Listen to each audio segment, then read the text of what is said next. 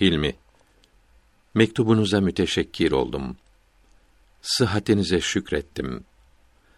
Din ve dünyanıza en ziyade yarayan ve dini İslam'da misli telif olmayan Mektubat kitabını okuyup bazısını anlamak çok ziyade bir fadl ve ihsandır.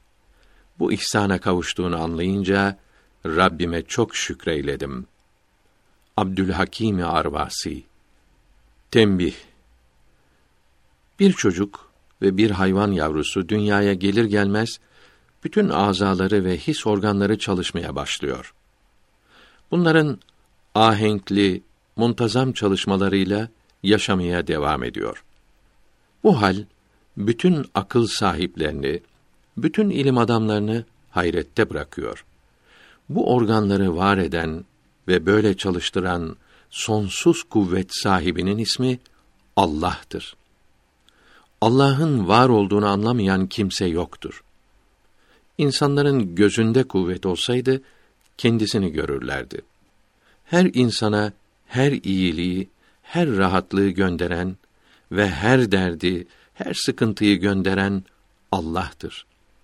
Nimet gelince şükr, dert gelince istiğfar ve sabretmelidir. Dertler nimetin kıymetinin anlaşılmasına sebep olmaktadır. İstiğfarın ve sabrın sevabı pek çoktur. Dünyadaki dertler ahirette çok sevap verilmesine sebep olmaktadır. Her gün Estağfirullah min külli ma kerihallah çok okumalıdır.